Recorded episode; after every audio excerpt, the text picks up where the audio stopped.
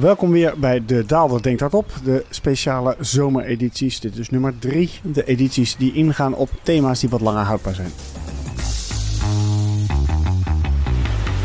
Twee weken geleden had ik het over schuld, waar dat nou toch vandaan komt en waarom dat op een gegeven moment misschien wel of niet tot een probleem kan leiden. Vorige week ben ik dieper ingegaan op China, de zeven problemen waar de Chinese economie zich op dit moment voor gesteld ziet. En deze week ga ik in op het thema global warming. Wat voor gevolgen gaat dat hebben voor de groei, de inflatie en uiteraard ook het beleggingsbeleid. Dus wat kan je verwachten qua rendementen, gegeven dat we leven in een wereld die steeds verder opwarmt. Mocht u nu denken, hoe komt die daler aan deze onderwerpen? Dit zijn de onderwerpen die ik heb toegestuurd gekregen van luisteraars naar het mailadres vraag.daalder.blackrock.com. Mocht u nou een onderwerp hebben waarvan u denkt van, oh, dat is ook een golden oldie. Daar wil ik ook wel eens een keertje wat meer diepgang over horen. Stuur het vooral nog steeds op naar vraag.daalder.blackrock.com. Of ik daar gelijk aan toe kom is weer een tweede, want ik kom volgende week weer terug van vakantie en dan ga ik weer verder met mijn reguliere uitzending, om het maar zo te zeggen. Waarbij ik dus dan wat meer inga op de actualiteit. Desalniettemin, of mocht u nog een andere vraag hebben, stuur het vooral naar vraag.daalder.blackrock.com en uiteraard abonneer je. Nou, laten we eerst eens beginnen met de impact op groei. BBP-groei, gaat dat negatief of positief beïnvloed worden? Nou hoor ik gelijk al allerlei mensen waarschijnlijk roepen van... hoe kan het nou godsnaam ooit positief zijn? Het moet altijd wel negatief zijn, want ja, global warming, overstromingen, bosbranden... je ziet het voor je, dat kan niet echt een positief element zijn. Nou, dat hangt helemaal af van wat je basisveronderstelling is. Ten opzichte van een wereld waar geen global warming zou plaatsvinden... is het waarschijnlijk zo dat global warming allerlei negatieve effecten met zich meebrengt. Dus inderdaad negatief doorwerkt op de BBP-groei. Maar dat scenario bestaat niet. Met uitzondering van een aantal verstokte Amerikaanse republikeinen gaat de hele wereld er inmiddels wel vanuit dat we inderdaad echt te maken hebben met een opwarmend klimaat. Dus te doen alsof er nog een alternatief is waarbij klimaat niet opwarmt, ja, dat is een beetje een vreemde veronderstelling. Wat je wel zou kunnen zeggen is, wat gebeurt er met het klimaat en dus BBP-groei op het moment dat we niks doen? Dus de opwarming zeg maar accelereert en alleen maar erger wordt ten opzichte van een scenario waarbij je zegt er wordt van alle kanten geprobeerd om die opwarming tegen te gaan. Nou, je begint dus dan met dat business as usual scenario waarbij we niks doen. Kan je daar iets zinnigs zeggen over wat er dan met de groei gebeurt?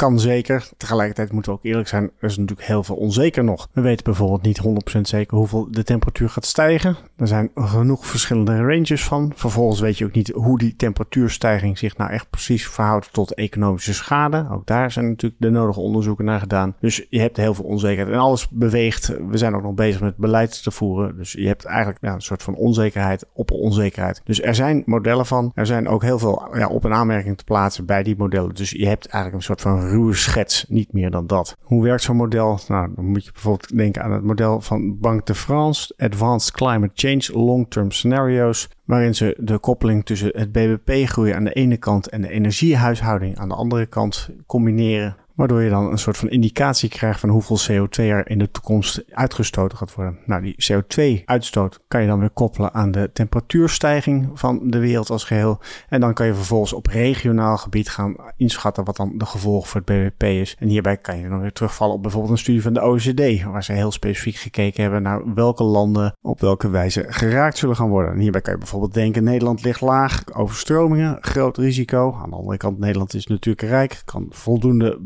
nog opbouwen en heeft wat dat betreft een minder groot probleem dan bijvoorbeeld Bangladesh. Maar denk ook aan de opmars van woestijnen, de opmars van ziektes, de gezondheid van een economie, toerisme. Nou, het zijn allerlei systemen, ecosystemen, waterstress. Dit zijn allemaal factoren die je dan mee kan rekenen. En dan kan je dus een soort van beeld krijgen van oké, hoeveel gaat dit het BBP raken? Dus de onderliggende groei van de verschillende regio's in de wereld. Het mooie van het model van Banque de France is dus dat je zelf kan gaan sleutelen met, laten we zeggen, de energiehuishouding. Dus hoeveel zijn we nog afhankelijk van fossiel in 2030, in 2040? Ja, dat bepaalt vervolgens inderdaad de opwarming. Dat bepaalt vervolgens de economische schade. Dus als we meer beleid voeren, als we sneller de transitie ingaan, als we minder fossiel gaan consumeren, dan zal ook de kosten uiteindelijk lager kunnen zijn. Nou, hier zie je dus een hele duidelijke afweging. In het business as usual scenario, dan gaan we niks doen. Dan zal je dus zien dat de kosten inderdaad heel snel uit de klauw lopen. Gaan we wel actief beleid voeren om dat tegen te gaan?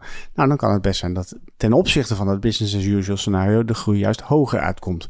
En wat voor schade moet je dan denken in het business as usual scenario? Nou, wij komen dan op een cumulatief verlies van 40% van het BBP-groei over de komende 20 jaar. Nou, dat verlies kan je dus beperken door nu actiever beleid te voeren en inderdaad harder in te zetten op die transitie. Dat is niet kosteloos. Hè. De kosten die daarmee samenhangen zijn ook heel erg duidelijk. Je krijgt natuurlijk investeringskosten die je moet ophoesten. Je krijgt natuurlijk stranded assets, industrietakken die opeens niet meer rendabel zijn en die afsterven zonder dat ze ooit rendabel zijn geworden. Daar staat tegenover dat je, doordat je nu investeert, allerlei toekomstige kosten die je anders zou maken, denk aan de overstromingen, aan de gezondheidszorg, aan bosbranden, die weet je te beperken. Ze komen er nog steeds, maar ze zijn in mindere mate aanwezig dan ze in het business as usual scenario zouden zijn. In het business as usual scenario steven nu echt wel af op een behoorlijke economische schade, lagere BBP-groei dus. En die schade zouden we kunnen beperken door nu actiever in te grijpen, zodat in elk geval de langere termijn er minder kosten zijn noemde ik eerder een cumulatief verlies van 40% van het BBP. Onder de veronderstellingen waar wij bij BlackRock mee werken, kan je dat verlies halveren, waarmee je dus eigenlijk kan rekenen met juist een hogere BBP-groei dan het business as usual scenario. Ik herhaal het nog maar eventjes. De foutenmarge in dit soort berekeningen is vrij groot. Je hebt het over groei die vertaald wordt in CO2-uitstoot, die vertaald wordt in global warming, die dan weer vertaald wordt in economische schade. Je snapt dat bij elke stap er meer fouten of onzekerheid ontstaan, waarbij voortschrijdend inzicht natuurlijk tot behoorlijke aanpassingen van eindresultaten kan gaan leiden. Nou, tot zover de groei. Dan is natuurlijk de vraag, heeft het ook nog gevolgen voor de inflatie? Nou, ook hier kun je van alles over vinden.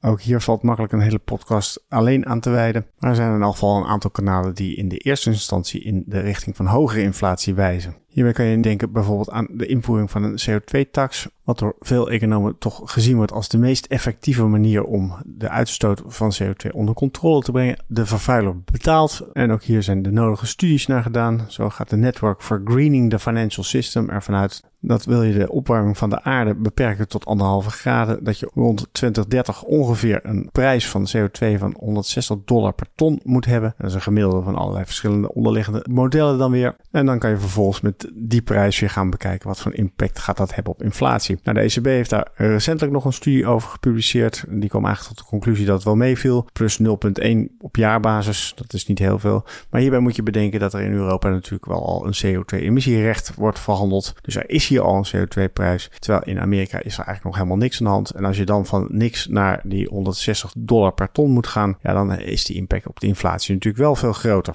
Een tweede factor, de kosten van de overstromingen en bosbranden zelf, droogte. Dat tikt natuurlijk aan. Iemand betaalt dat. Dus bijvoorbeeld de overstroming in Duitsland anderhalf jaar geleden of twee jaar geleden kostte 40 miljard. Iemand hoest dat op. In dit geval kun je zeggen, nou dat zijn de verzekeraars. Ja, die verzekeraars die leven ook niet uh, in Never Neverland. Die gaan dat natuurlijk weer doorberekenen. Dus ergens gaat dat een keer betaald worden. Ander voorbeeld is de recente overeenkomst tussen de verschillende staten, Amerikaanse staten, rond de crisis in de Colorado River, die veel te laag staat. Nou, daar hebben ze dus een oplossing gevonden. Afspraken over hoeveel iedereen mocht gebruiken. Maar daar is natuurlijk wel weer een prijskaartje mee gemoeid van 1,2 miljard van federal funding. Linksom of rechtsom wordt het natuurlijk ergens ooit door iemand betaald. En dan heb je nog de directe kosten die samenhangen met droogte voor bijvoorbeeld voedselprijzen. Nou, ook hier is recentelijk weer een studie gepubliceerd door de ECB die tot de conclusie kwamen dat bijvoorbeeld voedselprijzen, gegeven de aanname over opwarming van de aarde, ongeveer 0,9 tot 3,2 procent hoger zou kunnen komen te liggen op jaarbasis. En dat het voor de volledige inflatie 0,3 tot 1,1 procent hoger zou kunnen komen te liggen. Er zijn er vast ook studies die veel minder extreme uitkomsten laten zien. Dus ik reken ook zeker niet met die 1,1 procent op jaarbasis extra in 2035. Maar dat het nou tot lagere inflatie gaat leiden, dat lijkt niet heel erg waarschijnlijk. En dan hebben we nog een laatste punt. De investeringen die met de energietransitie zelf samenhangen. Ja, die zijn allemaal frontloaded. We moeten nu natuurlijk extra veel investeren omdat we de afgelopen 20 jaar veel te weinig hebben gedaan. Dat zijn ook weer kosten die linksom of rechtsom betaald moeten worden. Op de lange termijn worden die terugverdiend, maar op korte termijn worden die opgehoest. En ja, dat zijn of overheden of bedrijven die daar zelf hun geld in moeten steken. En dat dat op een hele manier wordt doorberekend aan de huidige producten die verkocht worden, dat lijkt niet heel erg onlogisch. Let wel, er zit hier natuurlijk ook een kantelpunt in. Op het moment dat we inderdaad volledig over zijn naar niet fossiel, we hebben alles op wind en energie, nou dan kan het best zo zijn dat juist die kosten aanzienlijk lager komen te liggen. De onderhoudskosten van een energie- of een windpark liggen over het algemeen een heel stuk lager dan de steeds groeiende kosten die samenhangen met de exploratie van fossiele brandstoffen. Tot zover de groei en de inflatie. Nou, je hebt dus nu een beter beeld van wat je in de toekomst kan verwachten van nominaal BBP. Winstgroei kan je daaraan koppelen en dergelijke. Dus heb je dan nu ook inderdaad een indicatie van wat er met de rendementen gaat gebeuren? Nou, nee. Dat is natuurlijk een beetje een probleem. Want waar je vroeger kon zeggen, nou, een aandeel is een aandeel. Je kon gewoon zeggen van, we kijken naar de brede aandelenmarkt. Zal je nu natuurlijk een heel groot verschil zien in performance als je bijvoorbeeld te maken hebt met een industrie die heel erg afhankelijk is van fossiele brandstof. Denk bijvoorbeeld de energiesector of denk de chemie sector. Of een industrietak die daar helemaal niks mee te maken heeft. Denk bijvoorbeeld de bankensector of de technologie sector. En dat is niet alleen belangrijk voor sectorniveau, maar het heeft ook op regionaal niveau natuurlijk een impact. Op het moment dat je ziet dat bijvoorbeeld de Amerikaanse aandelenmarkt een veel zwaarder gewicht heeft in de technologie sector. En de technologie sector weet zich beter te onttrekken aan het hele global warming verhaal. De kosten die daar maar samenhangen. Ja, dan zal Amerika het relatief beter gaan doen dan bijvoorbeeld de emerging markets, waar ze nog veel gebruik maken van fossiele brandstof, maar ook waar zware industrie is. Dus waar echt een hele grote omwenteling moet plaatsvinden. In zijn algemeenheid kan je zeggen dat de sectoren die relatief hoge CO2-uitstoot hebben, eh, zwaarder getroffen zullen gaan worden. Dat is niet helemaal waar, want het hangt natuurlijk een beetje af van wat voor pricing power zo'n industrie heeft. Maar over het algemeen kun je zeggen dat industrietakken met een hoge CO2-uitstoot meer at risk zijn. Maar zelfs dat is een simplificatie, want denk bijvoorbeeld aan de verzekeraars. Die hebben misschien een heel lage CO2-uitstoot, maar hebben wel een vrij grote exposure naar de onderliggende risico's van global warming. Denk aan overstromingen, bosbranden, droogte. Het zijn allemaal schadeposten die op een goed moment best wel eens terecht zouden kunnen komen bij de verzekeraars. Dus ook daar moet je op een manier ja, invulling aan geven door klassificaties, risicoclassificaties te introduceren in de verschillende beleggingscategorieën, verschillende sectoren en verschillende subsectoren. Bij BlackRock zijn we met een luizenkamp door al die sectoren en subsectoren heen gegaan. En dan kom je al snel tot de conclusie dat er bepaalde industrietakken, denk energie, Denk aan utilities, relatief gevoelig zijn voor de opwarming van de aarde. Terwijl er juist andere sectoren zijn die dat veel minder zijn. Denk daarbij aan IT. Dan valt hier natuurlijk weer tegen in te brengen dat IT als sector misschien niet veel uitstoot. Maar ja, die computers die staan natuurlijk wel gewoon de hele tijd aan. Dus indirect is er ook best wel veel CO2-uitstoot gekoppeld aan de producten die deze sector levert. Daar staat tegenover dat de pricing power van deze sector vrij sterk is. Dus de kans dat ze het zelf betalen is relatief klein. De kans is groter dat ze dat doorberekenen aan de consument. Nou, dan hebben we de groei gehad, de inflatie. Zijn zelfs op sectorniveau beland, gekeken naar de risico's. Dus je zou zeggen dat je nu een soort van indicatie hebt wat voor gevolgen dit kan hebben voor rendementen op aandelen, staatsobligaties, bedrijfsobligaties, vastgoed en de verschillende assetclasses die je daarbij natuurlijk kan bedenken. En dat lijkt ook inderdaad wel een beetje de werkwijze te zijn die ik bij veel con-collega's zie. Ze doen een goede gooi naar wat de gevolgen zullen zijn voor de groei of voor de inflatie. Geven nog eens een keertje een soort van sectorweging mee. Waarbij ze inderdaad zeggen sommige sectoren zijn meer gevoelig, andere minder gevoelig. En dan ben je wel klaar. Was het maar zo simpel, zou ik bijna zeggen. En om dit punt te maken doe ik even een stap terug. Of althans, ik verbreed even de discussie. En ik ga eigenlijk naar de vraag die de afgelopen 10, 20 jaar heel vaak teruggekomen is in het hele debat rond ESG-beleggen. Even voor de duidelijkheid. We hebben het tot nu toe gehad over het klimaat. Dat is een onderdeel van de E. Hè. E staat voor environmental, de S staat voor social, de G staat voor governance. Nou, klimaat is natuurlijk heel duidelijk een onderdeel van de E. Maar de E is veel breder dan alleen het klimaat. Je kan daarbij ook denken aan de stikstofproblematiek, waterschaarste, biodiversiteit. Dus eigenlijk hebben we binnen die E naar een heel specifiek deelgebiedje zitten kijken. Nou, wat was de brede vraag die eigenlijk alsmaar binnen dat ESG-spectrum speelde? Dus ESG beleggen moet je het doen, moet je het niet doen? Nou, de terugkerende vraag was, gaat het ten koste van rendement? En zo ja, hoeveel ben je dan bereid om aan rendement in te leveren om je sociale doel te behalen? Nou, volgens mij zijn er heel veel studies gedaan die een antwoord hebben trachten te geven op deze vraag. Maar bij een studie van Friede Bush en Bassen ik hoop dat ik hun namen niet te verkeerd uitspreek. Uit 2015 eigenlijk een soort van meta-studie waren. ESG en Financial Performance. En de meta-studie is eigenlijk een combinatie van alle voorgaande studies om te kijken wat nou eigenlijk de algemene uitkomst was. Zij kwamen tot de conclusie dat het in elk geval niet ten koste ging, of in veel gevallen niet ten koste ging van je rendement. Regelmatig een neutrale uitkomst had en in sommige gevallen zelfs een positieve bijdrage leverde.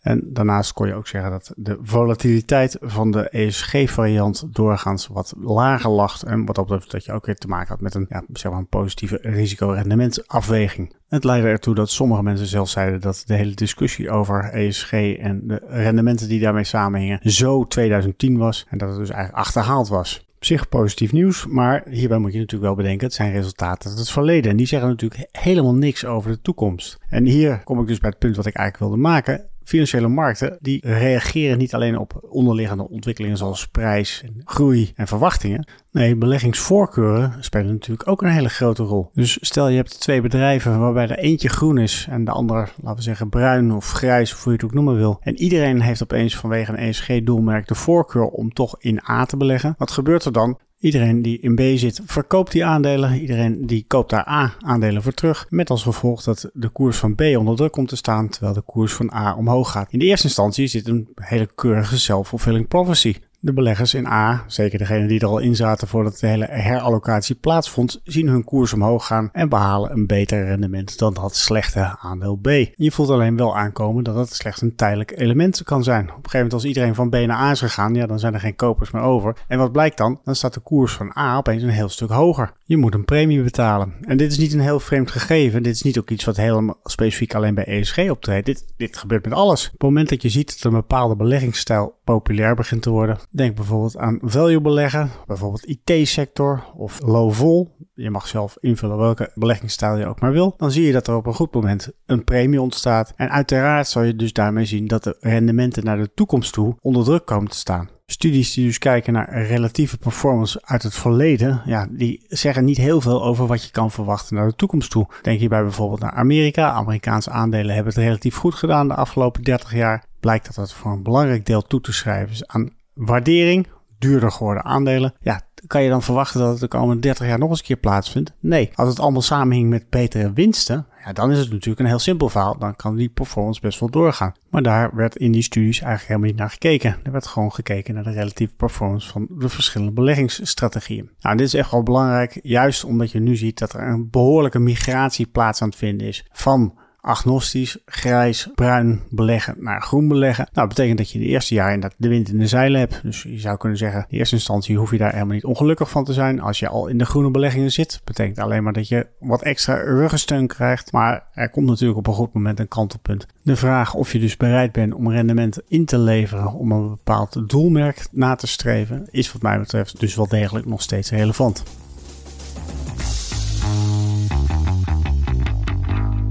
Om het voorgaande toch nog even kort samen te vatten. Er zijn een aantal variabelen die potentieel van belang kunnen zijn. Je kan een hogere of een lagere groei gaan zien als gevolg van de opwarming van de aarde, hogere inflatie. Je krijgt meer risico's in bepaalde sectoren, bedrijfstakken die gevoeliger zijn voor CO2-belastingen of uitstoot die moet worden beperkt. En daarnaast is het altijd heel erg belangrijk om te weten wat de markt nu eigenlijk al verdiscuteerd heeft. Als je ziet dat je een hele hoge premie moet betalen om puur groen te mogen beleggen, ja, dat heeft natuurlijk wel consequenties voor de rendementen die je naar de toekomst kan verwachten. Ik zeg daarmee niet dat je die moet doen, maar er is wel degelijk een afweging tussen rendement en de overtuiging die je hebt of je dat beleid wil voeren of niet mag duidelijk zijn dat het daarmee ook wel heel erg moeilijk wordt om iets heel zinnigs te zeggen of heel stelligs te zeggen over de rendementen die je kan verwachten in de toekomst. Maar laat ik hier toch nog een poging doen. En dat zijn dan drie algemene conclusies. Nogmaals, daar valt heel wat op af te dingen. Ik denk één algemene conclusie is inderdaad het risico van stranded assets. Als we in 2050 volledig fossiel neutraal zijn, ja, dan kan je natuurlijk heel sterk afvragen wat het bestaansrecht nog is van de oliemajors of andere partijen die hiermee te maken hebben. Nou geloof ik niet dat we in 2050 volledig van het olie af zullen zijn, maar dat hier een heel duidelijk risico ligt waar je dan ook eigenlijk van wil zien dat die geprijsd is, dat mag duidelijk zijn. Dat hoeft overigens niet te betekenen dat je daarmee alle oliebedrijven moet verkopen. Kans is best groot dat ook in de 2050 wereld nog steeds een belangrijke rol is weggelegd voor dezezelfde olieproducenten die misschien hun businessmodel hebben aangepast en tegen die tijd bijvoorbeeld in waterstof zitten. Ik kan me dan voorstellen dat je dat ook inderdaad wel als doelmerk hebt, dat je met name blijft beleggen in bedrijven die met de transitie bezig zijn, anders dan degene die gewoon nog op het oude model door blijven gaan tot dat het niet meer verder kan.